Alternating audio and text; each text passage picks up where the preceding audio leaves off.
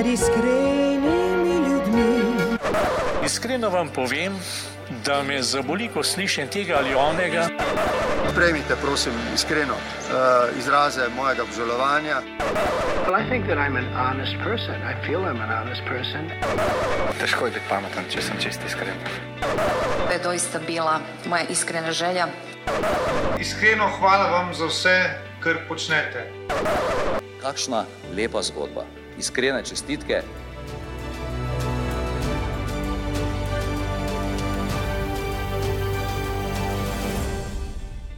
Dobro dan, dobro večer ali pa dobro jutro, odvisno od tega, kje, kdaj nas poslušate, ampak seveda ni pomembno, kdaj in kje nas vi poslušate. Pomembno je dejstvo, da je to že druga oddaja naše druge eh, sezone najbolj iskrenega podcasta. V prvi oddaji sta Tadeja in Mojca nekako pribili eh, let letošnje sezone in zato sem res objema izjemno hvaležen. S Tadejo se moramo še sicer malo pogovoriti o tistih njenih uvodnih komplimentov, ki mi jih je dala, ampak o tem bomo že mi dva rešila. Eh, danes pa v tej današnji oddaji res z velikim eh, veseljem eh, pozdravljam mojega prvega gosta v tej sezoni in to je Rok Škrlep. Rok, pozdravljen in dobrodošel v najbolj iskrenem podkastu. Dušan, živijo, lep pozdrav. Uh, ja, lepo vod, se prav veselim tega pogovora. No. Evo. Lepo pa pozdravljam tudi vse, seveda, poslušalke in pa poslušalce. Ja, super, se pridružujem tem tvojim pozdravom. Zdaj nekaj časa smo malo si vzeli premora z najbolj iskrenim podkastom in me res veseli, da je bila prva gostja eh, naša Mojca, sedaj drugi eh, si ti. Ampak da te ne bom jaz tako uvodoma preveč predstavljal, čeprav v prvi sezoni sem se tega kar posluževal, da sem jaz goste predstavil, ampak bom tokrat ta izziv prenesel kar, kar nate. Ne? Če bi ti dal na začetku en takšen nalogo ali pa, kot sem rekel, izziv, kaj bi ti rekel? Rekel, kdo je rok škrlep, kaj počneš, čem vse se v svojem življenju ukvarja. uh, ja, uh, smo začeli že kar s težkimi vprašanji. Um, kdo sem, težko povem. Sem še vedno en tak človek, predvsej v iskanju. Tudi V iskanju, kaj bi rad počel v življenju, pa kaj je tisto, kar me resnično osrečuje. No? Ampak lahko pa povem, s čim, s čim se trenutno ukvarjam. No? Trenutno, predvsej časa posvečam um, TV oddaji Male sive celice, sem zelo vesel, da sem postal del tega, tako da trenutno gre kar največ mojega prostega časa v to. Poleg tega sem pa ustvarjalec vsebin, ustvarjam YouTube vsebino, potem uh, ustvarjam šale. Trenutno, januarja, imam en tak poseben izziv, da vsako jutro objavim eno kratko šalo, forico, tako da slišiš se precej enostavno, ampak ko moraš nekaj početi vsak dan, je pa sploh za me bil kar izziv. Drugač pa kaj še, rad potujem, stand-up komik sem tudi, ja, med drugim, improvizator. Um, tako, zelo rad imam naravo in uh, igram kitaro. Marsikaj bi se lahko še povedal, v glavnem, precej tak razparceliran človek. Uh, ampak eh, bom pa jaz tu le še malo dopolnil. Uh, upam, da se ne motim, ampak moji viri pravijo, da si od nedavnega tudi diplomirani zgodovinar.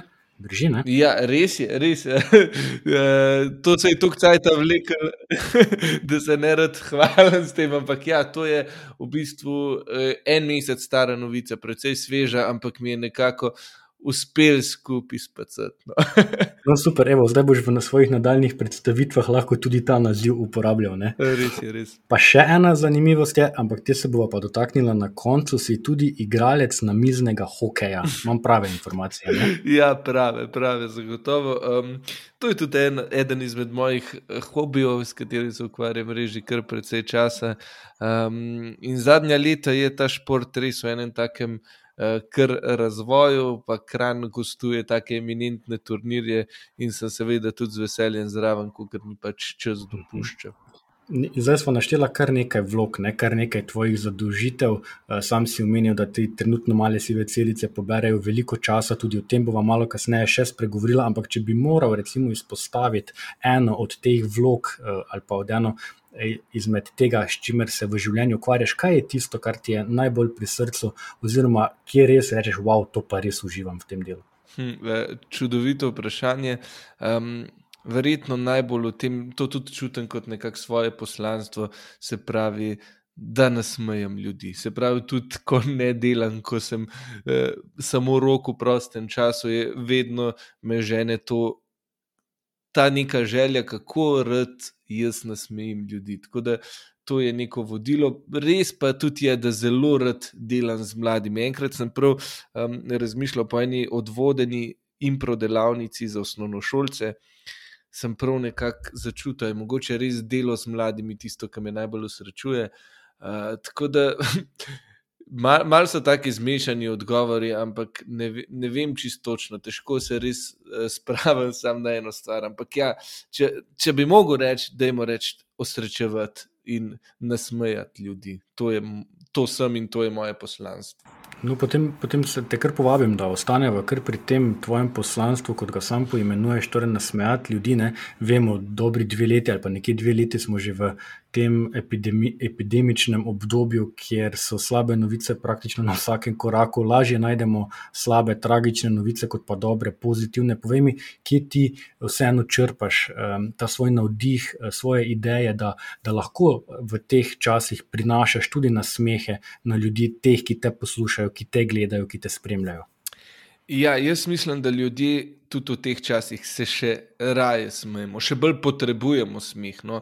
In eh, tudi, ko sem nastopil, teh nastopov med, eh, med, v tem času ni bilo veliko, ampak ko so bili, so bili pa nabiti s čustvi, so bili res. Um, Ljudje so se še bolj prišli smejati. Ne vem, če bi lahko rekel, da smo zdaj se mal nazaj, ampak ljudje čutimo, da, da rabimo smeh in zato na vseh predstavah je še več energije, kot kar ponavadno. Uh, tako da, um, kaj so pa teme, ne vem, jaz rad ostajam pri sebi, se pravi pri stvarih, ki jih opažam. Res pa je, da sem v času korona začel opažati uh, druge stvari in da sem imel tudi jaz težave, ko so mi čez noč nekako uh, odri izginili. Uh, ki so predstavljali polovico mojega življenja, praktično res veliko časa in energije sem vložil uh, za nastop na odru, uh, sem se počutil nekako prazen. No? Uh, in uh, nekako, ko sem spet, ko spet stopam počasi na odre, se pa spet počutim živega. In ne moti me tudi govori, govoriti o težavah, ki sem jih imel, recimo zdaj, ko nismo imeli odra. Tako da. Um, vse sorte, tudi govorimo o tem, kako, kako težko je bilo, eh, kakšno težko leto. Eh, da me je nekako začela depresija žiloviti, ravno zaradi tega ne nastopanja. In uh, to rad delim, to je nekakšna terapija. To sem tudi večkrat povedal. To, da ne nastopam, je upam, da je dobro za ljudi, ampak za me pa vem, da je dobro. Ja, za tisto, kar sem jaz spremljal, zagotovo lahko rečem, da uh, vse, vsekakor vplivaš pozitivno na nas, poslušalce in gledalce. Ne? Se pa sam spomnim pred približno 20 leti eh, mi je slovenski eh, gledališki igralec Janez Škov, eh, mm. starejši, tudi legenda slovenskega gledališkega ustvarjanja, rekel: Dobra komedija ali pa ljudje najraje sprejmejo tisto komedijo, ki izvira iz mene kot nastopajočega. Mm. Torej, ko se delam. V narekovajih norca iz samega sebe, pa ne v negativnem smislu, ampak da enostavno predstavim svoje življenje, ga dam ljudem na, na plano, pokažem tudi svojo ranljivost eh, in obenem to obrnem v, v smešno anegdoto, to ljudje najraje vidijo. Ne? In razumem iz tvojih besed, da si precej podobnega mnenja. Ja, zagotovo. No, sploh, ne bi se mogel bolj strinjati, sploh iz ust ta, tako eminentnega človeka. No, to zveni res eh, še bolj, da rečem, žeblico na glavico. Kako reče. Ja, čisto sigurno. In me, res me ni bilo strah govoriti o tem, ker sem to čutil. Se mi zdi, da point komedije ni vedno samo, da bo mal smešen, ampak evo, bodi iskren, tako kot vi tudi radi ste v svojem podkastu. No, ampak iskrenost je ena ta in da mogoče ponazorim eno tako uh, čist mogoče kratko šalo, ki sem se jo zdaj. Um, Ki jo govorim tudi kdaj na nastopih, uh, je, da sem opažal, da me je začela nekako, uh, se pravi, depresija loviti, in sem pogledal, da smo Slovenci 26 na svetu po stopni depresije. Uh, Eh, na prebivalca. In ta podatek me je tako žalostil, da smo zdaj 25. in, in potem grem s tem še nekako naprej, da, da sem opažal, da ima veliko dobrih komikov težave z depresijo. In ko sem jaz začutil, da je meni to začelo loviti, sem si rekel, rok. A te mogoče ratuje, aj te rata. Ko imajo samo dobri komiki težave z depresijo. Da, uh, se nekako nočem izogniti tabu temi, ampak se hočem z njo soočiti na odru, ker tako rešujem res tudi jaz težave, da si jih priznam in da jih delim predvsem. Torej, v vsakem primeru lahko sklepam iz tvojih besed, ne, da čas za optimizem in čas za, čas za veselje je vedno pravi. Samo je potrebno, da iz tega časa, v katerem živimo, to znamo ven potegniti. Čist, čist zagotovo. Čist zagotovo um, pravi je vedno, ampak zdaj je pa še bolj potreben. Zdaj smo nekako. Um, Ljudje smo nekako kot družba, smo padali z enega drugega štuka ali pa tretjega, na katerem smo padali direktno na trdna tla, prišel je ta virus, ki nas je nekako soočil s to kruto realnostjo in kar naenkrat nam je bila vzeta.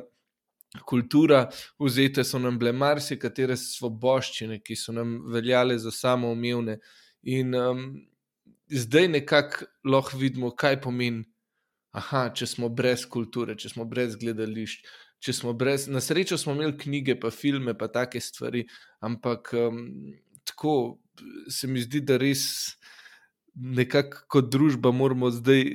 Res ne, ne smemo postati pasivni, no, to, o čemer so se že prej pogovarjali. Ne smemo biti se iti nazaj, pa aha, se nekako navaditi na to življenje, ampak moramo spet si želeti kulture, pa želeti svoboščin, ki so nam bile nekako odzete. Prej sem te že malo izazval ne, s tem, ki iščeš uh, vir oziroma navdih uh, za svoje šale oziroma za svoje uh, nastope. Do nedavnega, pa to mi boš pa zdaj ti povedal, ali to še vedno drži, je, bil eden, je bila eden izmed glavnih virov šal komikov, nastopajočih državna ali pa svetovna politika. Ne. Povej mi, kako v narekovajih ponovno hvaležna žrtev žrtev je še ta današnja politika. Ne? Se ti tudi poslužuješ te tematike, se ti zdi, da se ljudje politikom, politiki ali pa njihovim dejanjem še znamo, še znajo nasmejati, ali smo že prešli v neko. Da ne bom rekel grotesko no, pri, politi pri spremljanju političnih razprtij, predvsem. No. Ja, zdi se mi izredno pomembno, kako to um, stvar izraziš. Um, zdaj, kritike na politiko jih imamo načeloma večina ljudi. Gleda, jaz vsaj upam, tako no, kritično na dogajanje, na samo in na, na politične uh, dogodke, uh, rošade, ki se dogajajo, gledamo, jaz upam, kritično. Ampak um, pomembno je, kako to izraziš. Če izraziš, jaz, edina moja, moja dobra lastnost tako je, da znam izraziti te stvari skozi humor in se trudim, da res, ko sem kritičen, sem kritičen skozi humor. Ker um, v bistvu je skozi humor tudi tisti, ki so nekako drugačnega političnega mišljenja, kot ti, če si kritičen skozi humor, se bodo tudi ti ljudje nasmejali. In uh, jaz hočem nekako, uh, se pravi, tudi pri družbeni kritiki uporabljati humor. Mogoče si še misliš, kaj dopolniti, mogoče pa ti še jaz postavim eno pod vprašanje. Si kdaj postaviš mejo, preko katere pa ne greš? mislim tudi pri humorju, pa pri iskanju šal na račun družbe, politikov, dogajanja. Je kje tista zavora, ko češ ne preko tega, pa ne grem. Ja, grem. Je, je, so seveda zavore. Kdorkoli pravi, da nima zavor ali pa da je čist brez dlake na jeziku, ni res. Vsak ima določene teme, ki se jih uh, rad izogiba. To pa vsak človek ve zase. Jaz sem tudi govoril že različne šale, ampak sem čez čas, ko sem jih izvajal na odru, sem občutil, da ko govorim te šale, da se ne počutim dobro.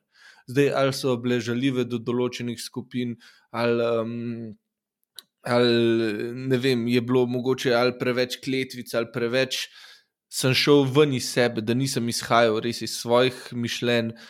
Um, ampak čez čas, ko vse te šale poveš desetkrat, je mogoče še v redu, ko pa jih poveš dvajsetkrat, tridesetkrat, se pa ne počutiš dobro in rečeš, ok, tukaj pa vem, da moram naslednjič postaviti mejo, ker še vedno se moraš ti počutiti soveren, ko govoriš šalo. Ker je lahko vrhunski punčline, lahko je zelo smešen, ampak če ti ne verjameš v idejo šale ali pa če ne izhajaš iz sebe, bo to publika začutila in um, si bo nekako mislila, da je ne seri, ne verjamemo ti.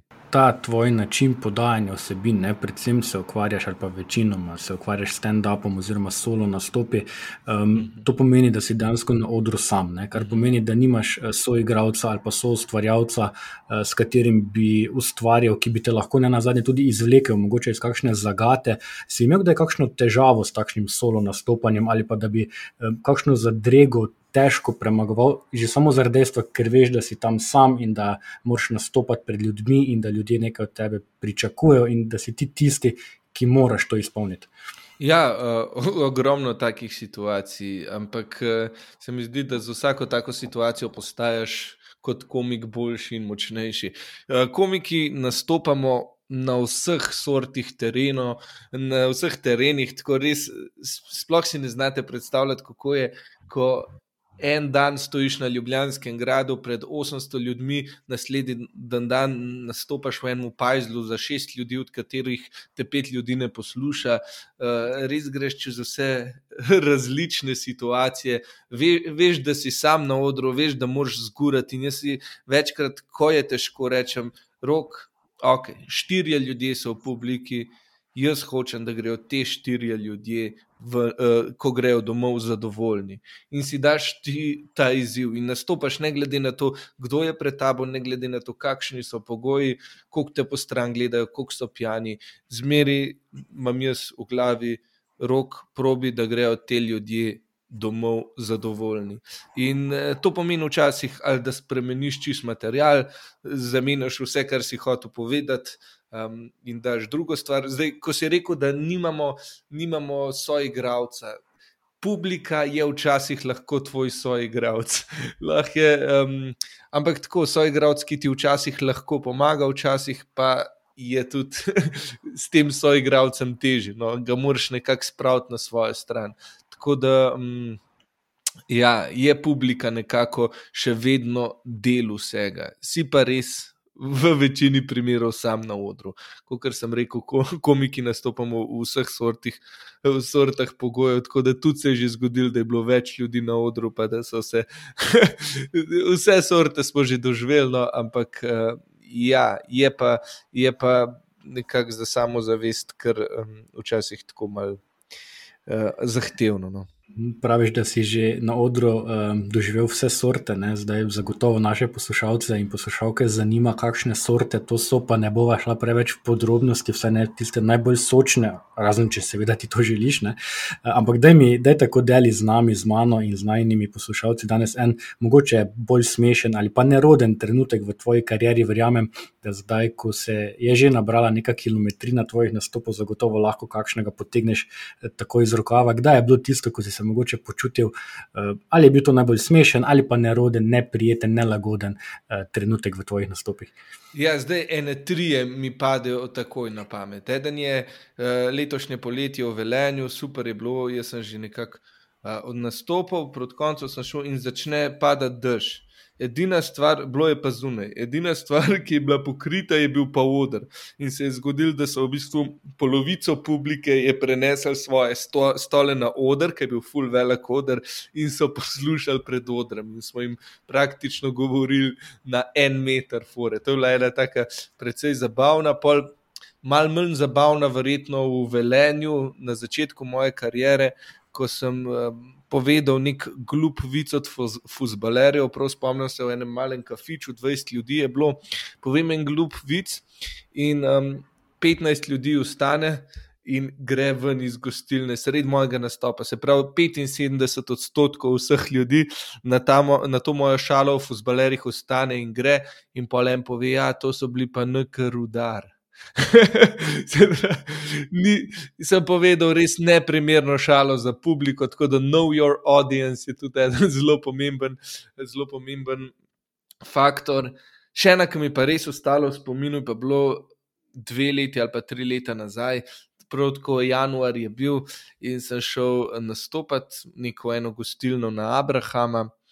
In so mi povedali en dan prej, da nimajo ozvočenja. In sem jim rekel, prav lahko tudi jaz zrihtam ozvočenje, so rekli, no, redu. In jaz pa nesem tisto ozvočenje sred gostilne, ki je bila čisto majhna gostilna, pa sem videl, da bi lahko brez. Ampak eh, sem že imel to ozvočenje in sem rekel, da ga bom zdaj preklopil.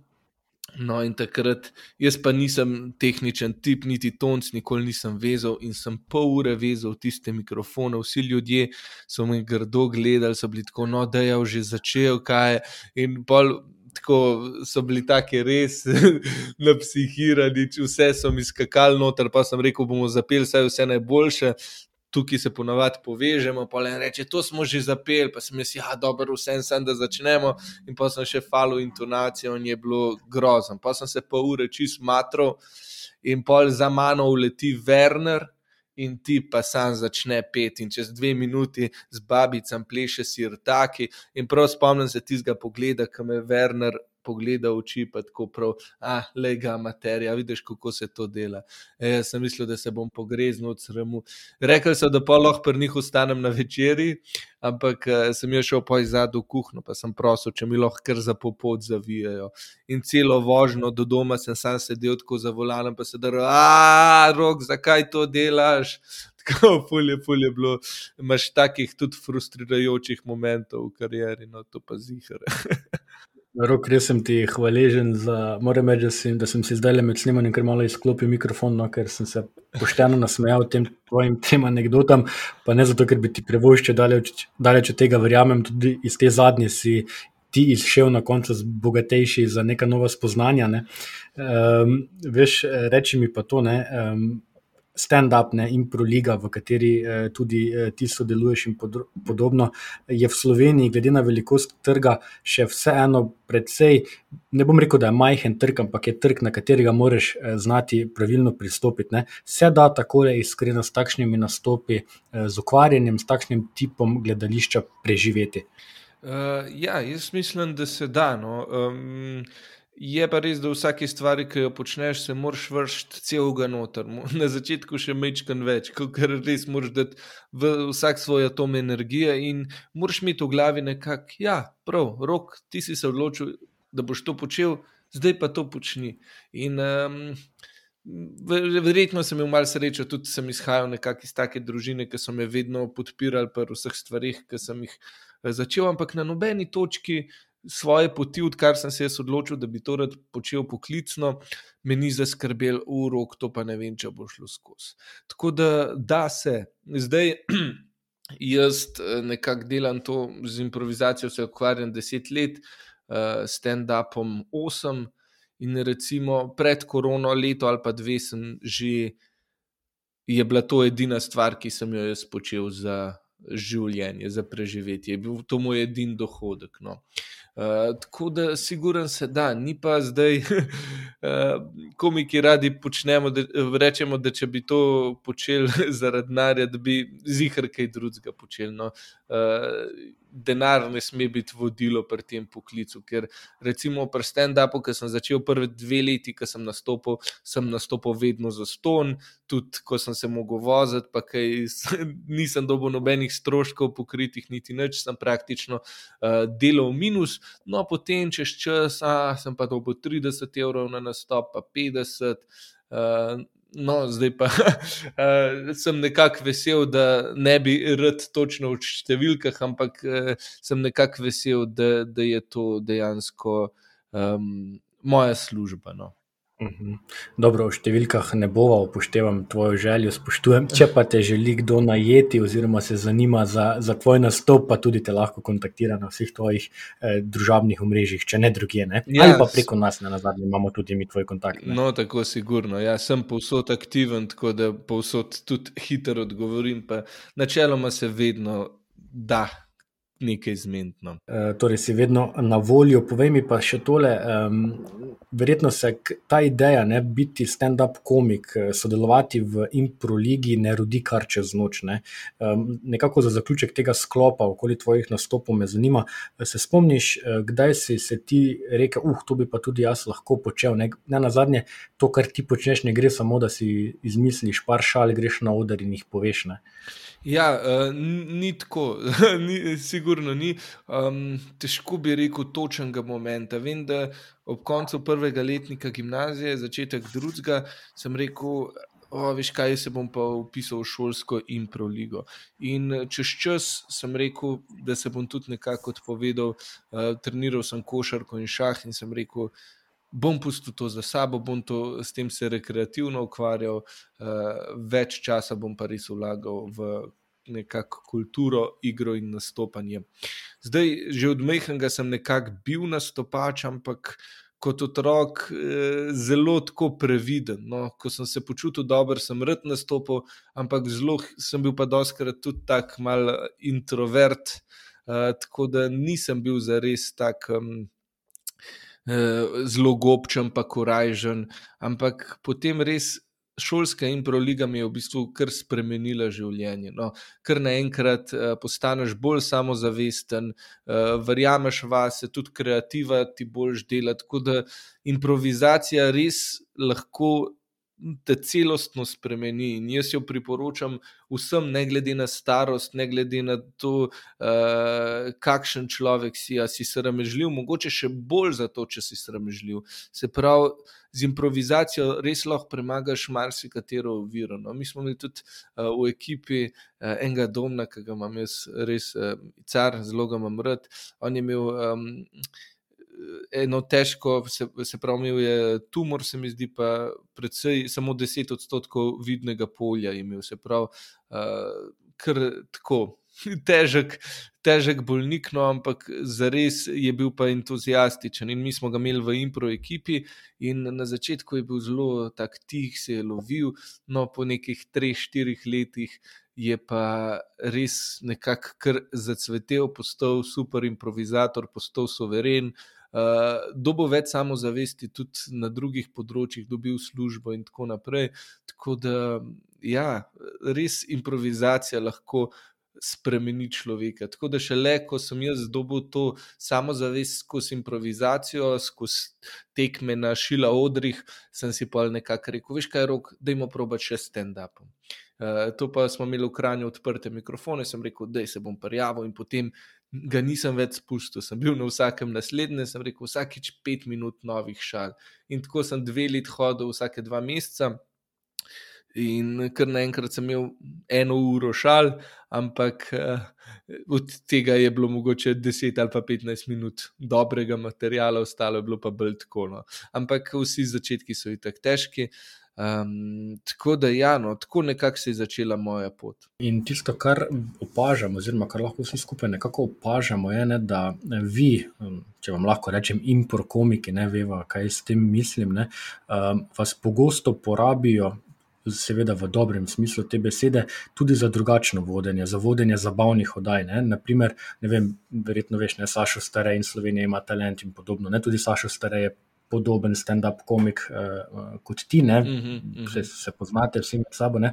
Kaj je tisto, da bi ti rekel, uh, preden se spustiva, seveda, v male sive celice, je to, kaj je tisto, kaj dela, kar dela uh, vas, stand-up komike, tudi komike, ki se ukvarjate z improligo, uh, dobre. Kaj je tisto, kar vas dela, za, da dobite neko znanje, neko vedenje, da vas porabijo tudi pri vodenju teh oddaj, ki niso tipično, bom rekel, komične ali pa samo v smislu stand-up komedije? Um, ja, zdaj improvizacija ne, je neka veščina, ki ti da uh, veliko. In to je. To je v bistvu tudi pri vodenju zelo pomembno, da ko ne gre vse po planu, da se znamo znajti. Zdaj, um, predvsej stand-up komikov res izhaja iz improvizacije, marsikdo pa tudi ne, da so že začeli samo s stand-upom. Um, kaj nas dela posebne. Zdi se mi, da znamo tudi sami pisati scenarij, toliko časa smo že v tem, se pravi, da tudi sami pišemo pravi, svoje fore, pišemo, kako bomo stvari povedali. Tako da uh, to je mogoče tudi ena izmed prednosti, ker če ti nekdo drug nekaj napiše, spet ne izhaja iz tebe, nisi iskren. Če pa sam spišeš, si pa lahko pri tem bolj soveren. Tako da jaz bi rekel, pr po prvi se pravi plati uh, možnost improvizacije, ko ne gre vse po planu, tudi nekako sproščeno lahko stvari podaš. Tudi na pride kasneje, ne vem, artikulacija, eh, pogum, samozavest pred kamero, prezenca, vse to nekako pride tudi s tem. No, po drugi strani pa tudi to, da znamo napisati šalo in da jo znamo tudi prav povedati. To je tudi zelo ključno. No, pa to, kar sem že dvakrat ali pa celo večkrat v tem najnem pogovoru danes eh, omenil, pa tudi sam si že rekel, da ti veliko časa eh, vzame vodenje malih sivih celic. Zdaj, če se ne motim, lani eh, jeseni si se ti pridružil ekipi, ki že vrsto, vrsto let, desetletji na zadnje ustvarja to oddajo, ki je res znana ne samo v Sloveniji, tudi širše, daje temelje enega tekmovalnega znanja vsem nam, ki smo šli skozi osnovno šolsko izobraževanje in bili del teh predizborov, pa seveda nikoli nismo prišli prišli do studia, v katerem eh, ti sedaj stojiš, naprimer, ne, eh, stop, stopila sta ne skupaj z, s sovoditeljem v kar velike čevlje um, Pavleta ravno hriba, no, da se pač njega omenim, ki je res vrsto let dajal en eh, ritem, pa bil en prepoznavni, ena prepoznavna oseba uh, malih sivih celic. Povej mi, kako je sploh prišlo uh, do tega sodelovanja, oziroma uh, kako to, da si ravno ti uh, sedaj na tistem, uh, za tistim, da rečem, stojalom, oziroma ne bom rekel ambonom, ne, ker preveč mm. Eh, zveni drugače. Ampak ravno ti si sedaj tam, kjer se dve ekipi bojujeta, uh, ne na zadnje za, za, za prepoznavnost in v znanju. No. Ja, tudi jaz se kdaj vprašam, no, moram reči, čisto iskreno, ampak uh, moram pa tudi povedati, da sem neskončno hvaležen um, za to priložnost in da jo vzemam za res, ker kot si omenil, vem, da so veliki čevlji uh, jasno, Pavle in Nik tudi, ne, Nik je tudi um, v bistvu kar se mene tiče, zelo, zelo v redu vodo to vdajo. Tako da, um, ja, so, so tudi pričakovanja velika, to je tako uh, javna uh, televizija, RTV, več ljudi dela, bolje, uh, vse je tako uigrano. Ti prideš noter v to ekipo in uh, v en tak stroj, ki že funkcionira in se moč nekako ključiti. Ampak um, ja, jaz sem noro vesel za to priložnost. Eh, in tudi noro uživam. Zdaj, ki smo rekli, da mi veliko časa vzame. Um, ja, lahko rečemo, vzame, ampak ne vzame mi ga za res, ker res tokrat to počnem. Plus uh, z ekipo se res dobro zastopimo. Uh, sem si kar eh, nekako malo drugače predstavljal, da bo eh, delo na RTV-ju veliko bolj zadrgnjeno, veliko bolj formalno, ampak smo res kot ekipa dobro funkcioniramo, tako da mi je užitek delati. No, res. Um, Uh, kot je pa neki užitek, se mi zdi, pa, da pridejo tudi rezultati, da se bo tudi videl, uh, sploh ko bo ta, zdaj nekako smo se že upeljali, polovica sezone je za nami in zdaj tudi oddaje postajajo, po mojem mnenju, vse boljše. Ne? Človek se ne rab nekaj časa, da se upelje, ampak um, ja, sem, sem res zelo vesel in. Uh, vsakič, ko grem na snemanje, ravno jutri ga imamo, uh, sem tako, ker, ker malo excited, ushičen. No. Um, gre vsekakor ne za eno oddajo, ki, kot sem samo omenil, uh, že res vrsto let uh, povezuje praktično celotno Slovenijo. Kako ti dojemaš ta njen uh, format, kjer učenci uh, tekmujejo v znanju, tekmujejo eden uh, proti drugemu, ne, ne glede na to, da se že toliko let uh, zadeva odvija. Se mi zdi, da je še vedno ta interes učencev šol, da sodelujejo, da pokažejo svoje znanje velik. Ne? Ja, čist gotovo. Letos smo imeli naprimer, rekordno število prijav 280 ekip iz vse Slovenije, kar je noro, kar je res noro. To pomeni, se pravi, 280 krat 3, praktično skoraj 800. 740 ljudi, ne, če sem prav izračunal, uh, otrok, mladostnikov se je prijavilo na to, kar je res. Uh, in uh, vidi se to tekmovalnost, res, da so otroci čist zbrani na začetku, imajo malo treme, jih je strah, ampak uh, vsi pa nekako odnesejo eno lepo izkušnjo od tega. Se pravi, jaz vedno na začetku snemanja povem, otroci, imejte se fajn to bo ena taka izkušnja, ki se jo boste zapomnili za celo življenje, ne glede na to, kakšen bo rezultat. Svet se bo tudi čez dve uri vrtel naprej, vi se imejte fajn, um, bodite zgovorni in uživajte. In je res potem, se mi zdi, kar boljšno. In tudi otroci mi potem doskrat povejo, da so se imeli ful dobr, pa tudi če so zgubili. Um, še eno področje, ne, ki ga lahko povežemo z znanjem, podobno kot uh, male sive celice, um, je pa to, kar smo se na začetku pošalili, oziroma si sam dejal, da je sedaj staro nekje en mesec, ne, torej, da si postal diplomirani uh, zgodovinar, obenem si, če so moji viri spet pravilni, na začetku študiral tudi novinarstvo. Um, pa mi, veš, kaj me zanima, tako na kratko, čeprav vem, da bi lahko, ali pa celo mogoče bova posnela o tem ločen pogovor, ampak ko ti kot zgodovinar. Eh, gledaš uh, na vse to dogajanje okoli nas, na družabno omrežje in podobno, kako dojemaš to, da je recimo zgodovina, oziroma da je interpretacija zgodovine dan danes uh, tako razširjena, da se jo dejansko da prilagajati praktično vsak, ki ima nekaj minut časa, si lahko neki zgodovinski dogodek obrne vsaj delno sebi v prid. Ja, um, zakaj se obrača? Zato, ker se zgodovino lahko uporablja za um, politične, propagandne in ostale namene. Uh, zgodovina je. Vire imamo, ne? virov je, mislim, virov je kar precej, ampak vedno se pa lahko zgodba um, obrne na več različnih načinov. Um, ena taka zanimiva izkušnja, ki se mi je zgodila, ko sem šel v uh, muzej novejše zgodovine in sem um, prepisoval fašistične plakate, ki so bile, bili izobešeni v, uh, v okupirani Ljubljani in so rekli, tukaj nimamo prepričanj, tukaj so samo dejstva. In res um, mi je zanimivo, tudi recimo, moji profesori na, na fakulteti imajo zelo različna um, politična stališča in poglede med sabo. Se pravi, so. Uh, Lahko tudi zelo radikalni, ali na levi, ali na desni strani, vse sorte imamo, ampak um, ko pa se dotikamo zgodovine, um, imajo pa res, se pravi, se trudijo imeti neko zgodovinsko objektivnost. In to se mi zdi, da je danes pomembno, ampak da jasno različni uh, stranke in tudi različno usmerjeni uh, časopisi si zgodovino različno interpretirajo. Tako da, ja, doskrat je to kar težko gledati, no, ali pa brati, ali pa tako naprej.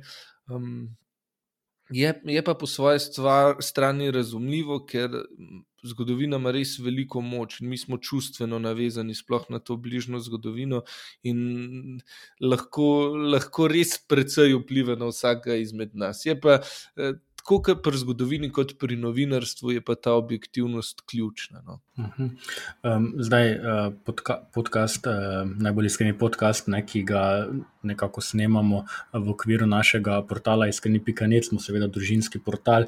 Pa da se mogoče v tem smislu navežem še na eno vprašanje, povezano uh, z zgodovino. Ne, tudi starši smo ne na zadnji tisti, ki moramo otrokom nekako osvetliti zgodovinske uh, dogodke, jih popeljati v pomembnost posameznih trenutkov. Um, se ti zdi, da imamo ali pa da imajo starši dan danes dovolj tega zavedanja, kako pomembno je, um, da otrokom predstavijo potek in dogodke v naši zgodovini. Spomnim se, ko sem snemal podcast z Rosvito Pesek, je dejala, da ravno tega primankuje, da bi starši prenašali to, to znanje o tem, kaj se je dogajalo svojim otrokom. Ja, zdi se mi, da. Da naš dan, današnji mladi starši, recimo, tega znanja sploh nimajo, ga ne morejo predati. Ne. Ker um, vse, kar je iz zgodovine, recimo v, v osnovnih in v srednjih šolah, pa tudi o programu v, in v osnovnih in v srednjih šolah, se mi zdi, da bi se lahko mal prilagodili, mal spremenili. Res smo včasih tako, je tudi vse tako spisan, smo res precej osko gledi, vse je Slovenija, vse je Evropa, vse je noč okolje ni pomembno, pomembno je, je smo samo mi. Um, Kar se pa tiče teh pogledov, zdaj zgodovinskih, različnih, ne, je pa.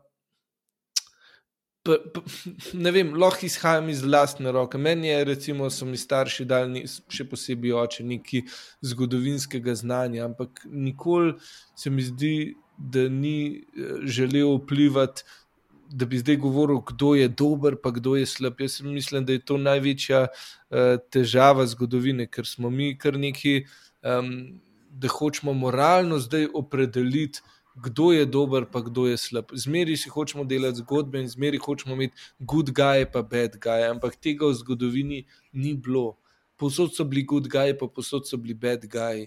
In um, najlažje je pa moralizirati, recimo, za nazaj. Zdaj se nam dogaja, da, da zelo radi gremo, sploh v to pol preteklo zgodovino in mi iz toplega kavča radi moraliziramo. Pomembna je zgodovina. No, Zaradi tega, da opažamo, ko se ponavlja, da opažamo trende, ki so skozi leta isti, ampak um, vsem se mi pa zdi, da ne bi smela biti zgodovina glavni, uh, glavna debata današnjih političnih soočanj. To se mi pa zdi uh, absurd. To se mi pa zdi, uh, ne vem. Se mi zdi, da bi bolj mogli gledati v prihodnost. Gledati v prihodnost. Tako je zazrta v prihodnost, ne na mesto v zgodovino, s čimer se s tabo res popolnoma strinjam, pa da ne bova preveč politično zaključila tega najnega pogovora, čeprav je tudi to vredno širše debate. Ena izmed tvojih rečem, aktivnosti, ki se rad poslužuješ, so tudi potovanja. To si tudi sam na začetku omenil. Povej mi, kaj, kaj je tisto, kar te privlači na potovanjih, kako izbiraš eh, svoje destinacije, kam se boš odpravil, kakšne imaš načrte na zadnje, glede na vse okoliščine, okoli potovanj, ki so dan danes povezane tudi z to epidemijo COVID-19. Um, ja, zdaj, mogoče bi se eno mislijo začel, da če je življenje knjiga in kdo ne potuje, je prebral samo eno stran. Uh, in nekako je res, potovanja ti odpirajo obzorje, kot se to mogoče sliši zlajnano in, uh, in pocukrano, pardon, je nekako res. Veliko se naučiš iz potovanj, sploh če znaš.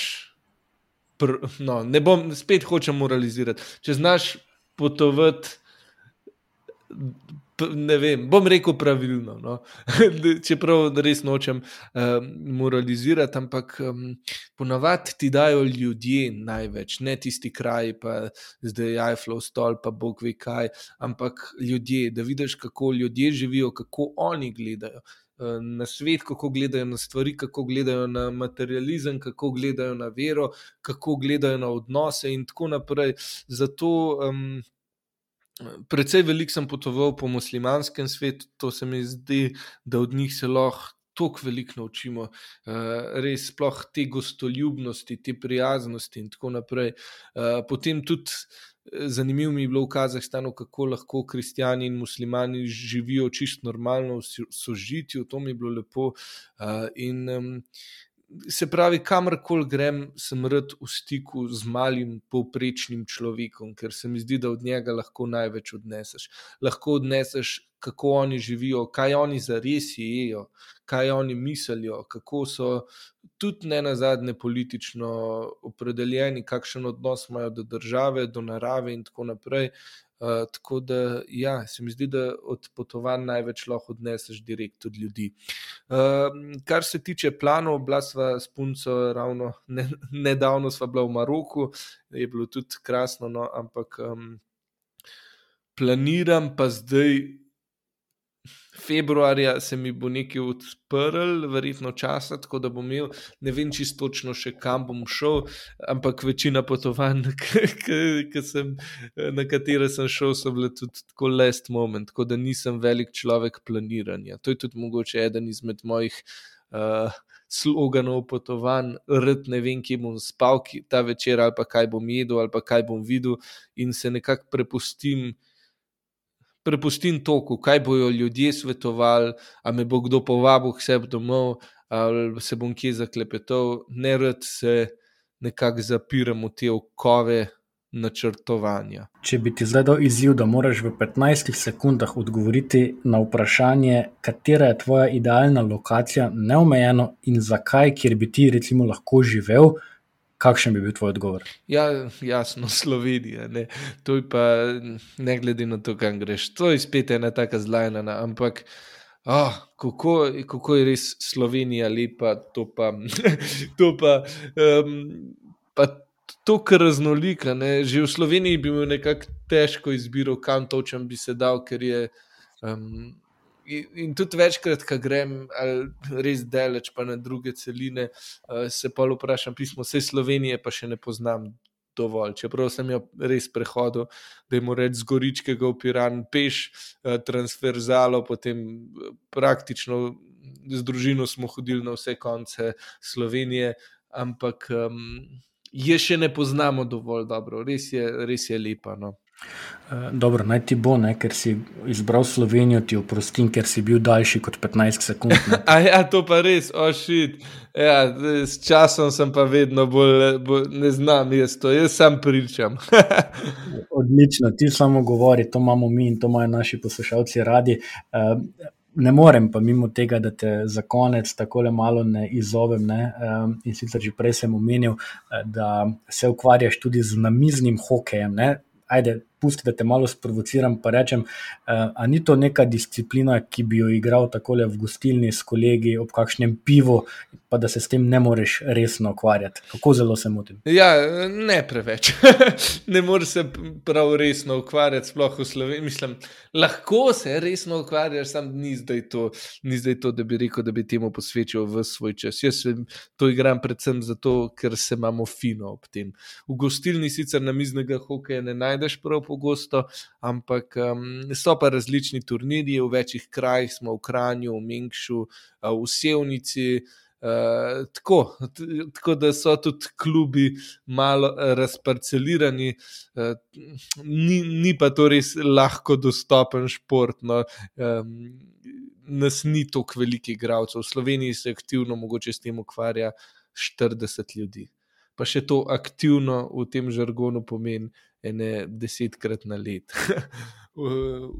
ja. Dobro, potem je še prostora za konkurenco. ja, čisto čist sigurno, čisto sigurno.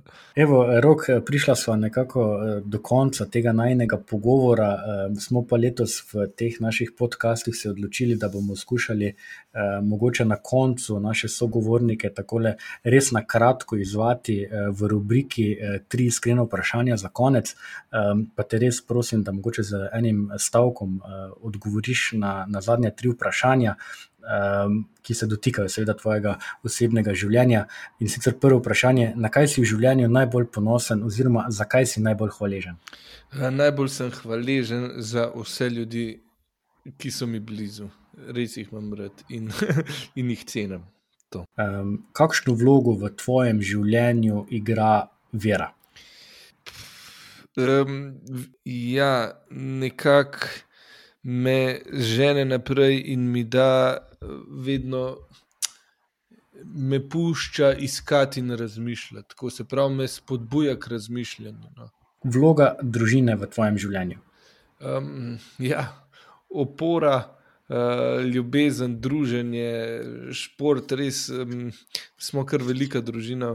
Uh, tako da je, sem ne bi bil to, kar sem brez, no, ne bi obstajal, ra, jasno, brez njih, ampak so tako velik del mene, da ja, ne vem, zaradi njih.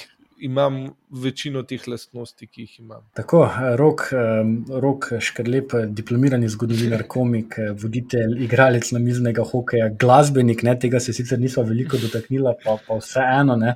ukulele in podobni inštrumenti ti predstavljajo še poseben izziv, oziroma se tudi s tem ukvarjaš. Res, res ti hvala za sodelovanje v tem našem podkastu, predvsem pa hvala za tvojo iskrenost in za to, da si z nami eh, podelil tudi marsikaj iz ozadja, torej tistega, kar seveda ne moremo najti ko brskamo po Googlu o tem, kdo je rok škrlep. Ja, hvala lepa za povabilo in za tale klepet, sem se imel res krfino. No. Glede na vsa področja, s katerimi se ti ukvarjaš, jaz ne dvomim, da se bomo mi dva še kdaj v kakšni oddaji srečala, mogoče na kakšno uh, drugačno temo. Uh, vse vas, drage poslušalke in spoštovani poslušalci, pa res prisrčno vabim, da tej najni oddaji, oziroma tej naši oddaji, vsem preteklim, ki smo jih že posneli, prisluhnete v vaših uh, podcast aplikacijah. Če imate kakšno idejo, kakšno željo, pre, uh, predlog, kritiko, kritiko, ne na zadnje, nam jo seveda tudi lahko posredujete. In eh, do naslednjič eh, naslišanje v najbolj iskrenem podkastu. Srečno.